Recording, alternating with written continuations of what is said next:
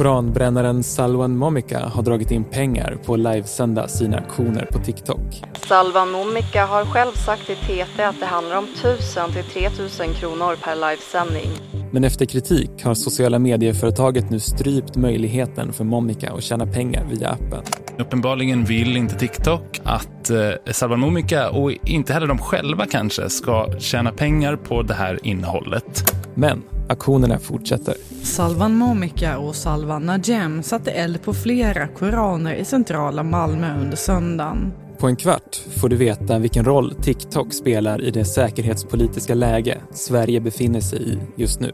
Under ett och ett halvt år har omvärlden matats med ett falskt narrativ om att Sverige är islamfientligt. Det är måndag den 4 september. Det här är Dagens Story från Svenska Dagbladet med mig, Henning Eklund och idag med Sofia Sinclair, techreporter på SvD.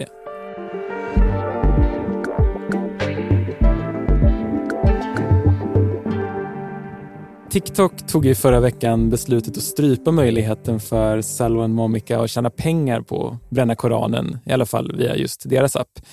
Blev du förvånad över det beskedet, Sofia? Ja, skulle jag säga. TikTok har ju tidigare agerat efter kritik mot innehåll på deras plattform. Då har det ju oftast gällt att ta bort eh, olika videos till exempel. Och på senare tid så har ju TikTok varit hyfsat snabba på att ta bort saker som till exempel har uppmärksammats i media och sådär. Däremot blev jag lite förvånad över just formen på det här. Alltså att man stänger av hans förmåga att ta emot de här gåvopengarna. Vad jag känner till så är det i alla fall relativt få sådana fall i Sverige. Det har inte skrivit supermycket om tidigare så det var, det var intressant tycker jag. Så han kan fortfarande sända sina koranbränningar på TikTok? Ja, själva innehållet som han har lagt upp och sådär har ju inte plockats bort till exempel. Utan det är just eh, möjligheten att tjäna pengar via det här gåvosystemet. Ja, just det. Men hur motiverar TikTok sitt beslut då? Det är ju inte till exempel olagligt att bränna Koranen här i Sverige. De har inte velat ge någon förklaring än riktigt. Det kan ju vara så att de bedömer att innehållet i hans livestreamade videos strider mot deras eh, communityregler till exempel och att det också har blivit satt i strålkastarljuset efter att det har uppmärksammats då i media. Och det är ju som du säger, det är ju inte olagligt att bränna Koranen i Sverige, men det är ju ett privat företag så de har ju makt att göra lite vad de vill när det gäller sin egen plattform. Samtidigt som sagt, de har ju kvar själva klippen, men det står ju också i deras riktlinjer att det inte är tillåtet med diskriminering på grund av religion och sådär till exempel. Så det kan ju vara att de ändå, ja, att det finns någon koppling till just eh, det. Men min gissning är att de kanske inte tycker att det ser, bra ut, ser så bra ut att tjäna pengar på det här. En folkfest med nära 15 000 personer. Ja, på onsdagen firas den muslimska högtiden Eid al-Adha. Det är en vacker sommardag i juni utanför den stora moskén på Södermalm i Stockholm. Muslimer världen över firar Eid al-Adha som är en av islams största högtider. Men istället för att fira är stämningen tryckt och upprörd utanför moskén. Och blickarna är riktade mot den 37-årige irakien Salwan Momika. Han tar upp en bit bacon som han lägger på Koranen och tänder sen på. Hela aktionen sänds live på TikTok.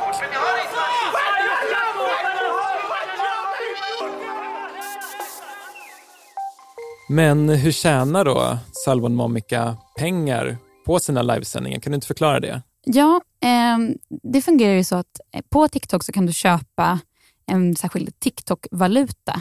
Och sen om du gillar någon kreatör eller någon som gör videos eh, lite extra mycket så kan du också ge då olika presenter till den här personen med då den här TikTok-valutan som du har köpt.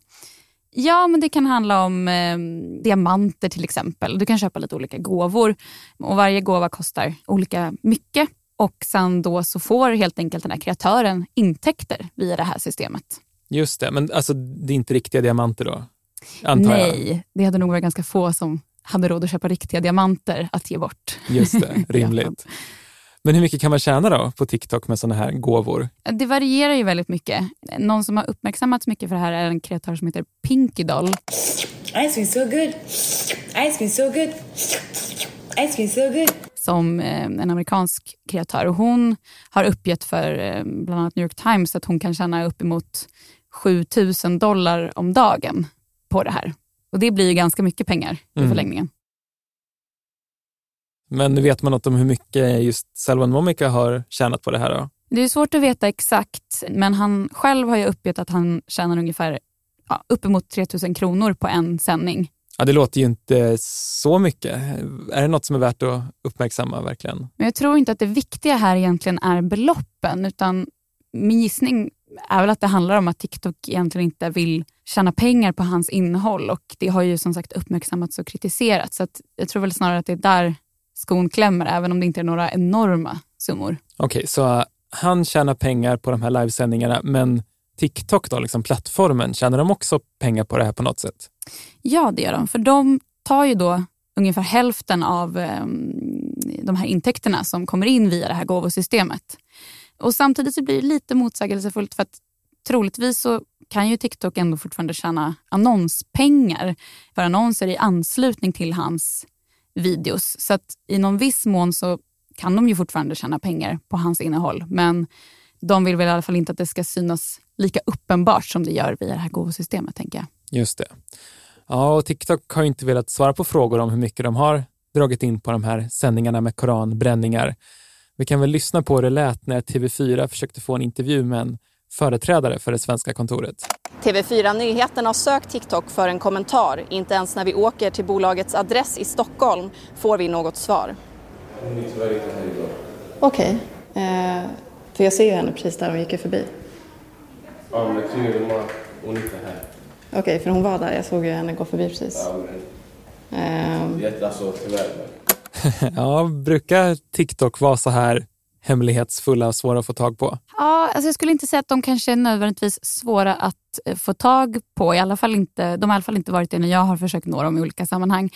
Men däremot så kan det vara väldigt svårt, upplever jag, att få dem att ställa upp på regelrätta intervjuer och få uppgifter on record, så att säga. Att man, att man vill ställa upp på en intervju. Så att ja, det har varit många olika turer fram och tillbaka, även för mig när man ska få svar. Just det, jag fattar. Men, ehm, ja, men vi hoppar tillbaka till Salwan Momika. Hur mycket har de här livesändningarna och TikTok hjälpt honom att sprida hans budskap? TikTok är ju en global plattform. Han har ju ja, drygt 170 000 följare där och vissa videos har ju nått flera miljoner visningar. Så det är klart att TikTok gör ju det möjligt för honom att sprida sitt narrativ till en stor internationell publik. Och där, jag menar, han kan ju klippa sina videos hur han vill. Han kan ju få det att framstå som att polisen till exempel understödjer hans aktioner genom att bara visa bilder på när de står och liksom skyddar honom under de här aktionerna, vilket man ju, eh, det är ju deras jobb att göra. Men sett till hur han framställer det så får han ju genomslag för sin version utan att ha med någon annan kritisk röst eller liksom något annat perspektiv. Så det är klart att det är ju jätteviktigt att, för honom att få ut sitt budskap och det, där är ju TikTok en, en bra plattform för det, han får möjlighet till det. Just det. Jag var inne och kollade lite på hans konto här innan.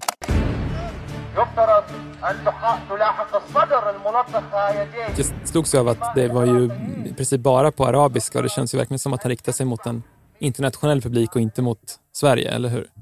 Ja, men precis. Det är ju från olika muslimska länder som det har kommit mest eh, reaktioner kring koranbränningarna. Så det är klart att för honom att nå sin publik där, det, det möjliggörs ju via TikTok. Han har ju andra kanaler också, till exempel en kanal på appen Telegram med ungefär ja, drygt 11 000 medlemmar där. Så det finns ju andra plattformar. Men TikTok är ju mest tillgänglig och har det bästa formatet för att få genomslag med video. Och där kan man ju förmedla tydligare känslor och slå an någonting som man kanske inte riktigt alltid kan göra i text till exempel.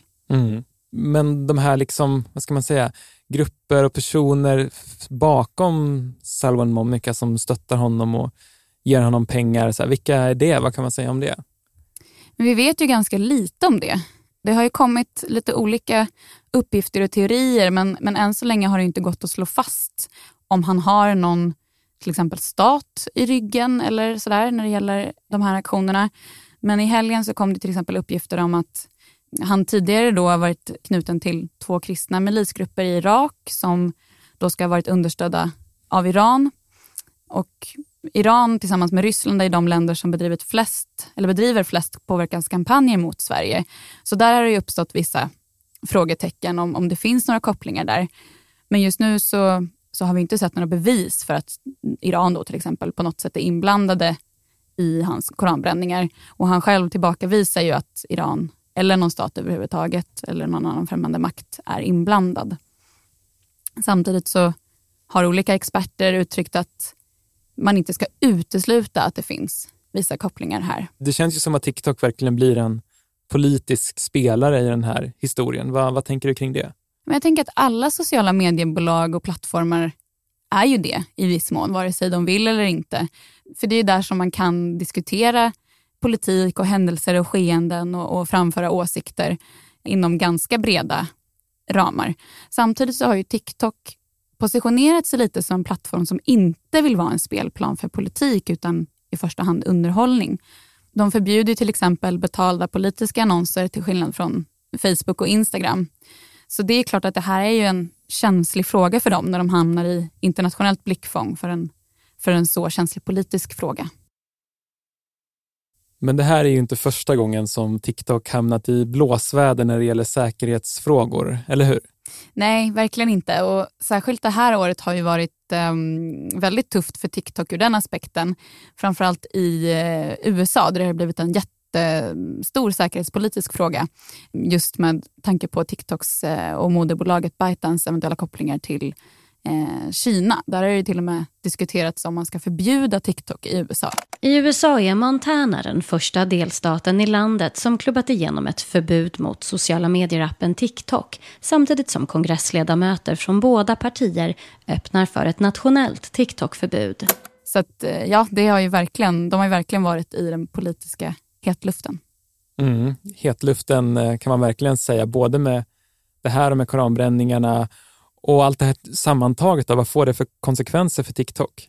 Ja, men det som, som jag har sett eh, lite över tid här nu är ju att ju mer tryck det blir på dem i de här frågorna, desto mer transparenta tvingas de att vara. De behöver dela med sig av mer och mer information om företaget och har ju tagit vissa steg mot transparens, ökad transparens, även om de inte ställt upp på intervjuer nu i samband med koranbränningarna.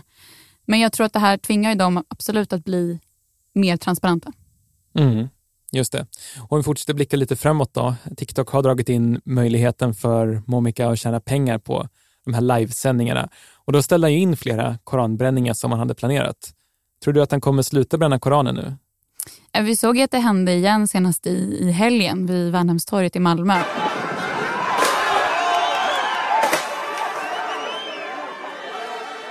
Och han planerar ju flera aktioner Eh, framöver i Stockholm och Örebro till exempel. Och även om han nu har stängts av från att få de här pengarna från TikTok så har det ju också rapporterats att han har ett Paypal-konto till exempel där han kan ta emot pengar och, och, olika donationer. Man kan ju säkert anta att han kan hitta andra sätt också via andra plattformar att eh, få in intäkter.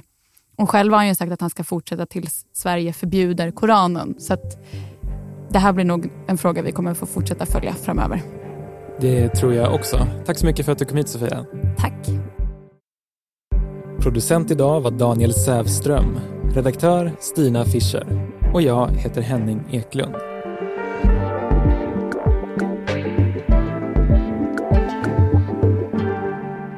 Och klippen i programmet kom från Aftonbladet, TV4, Sveriges Radios Ekot, SVT Nyheter och P4 Malmöhus.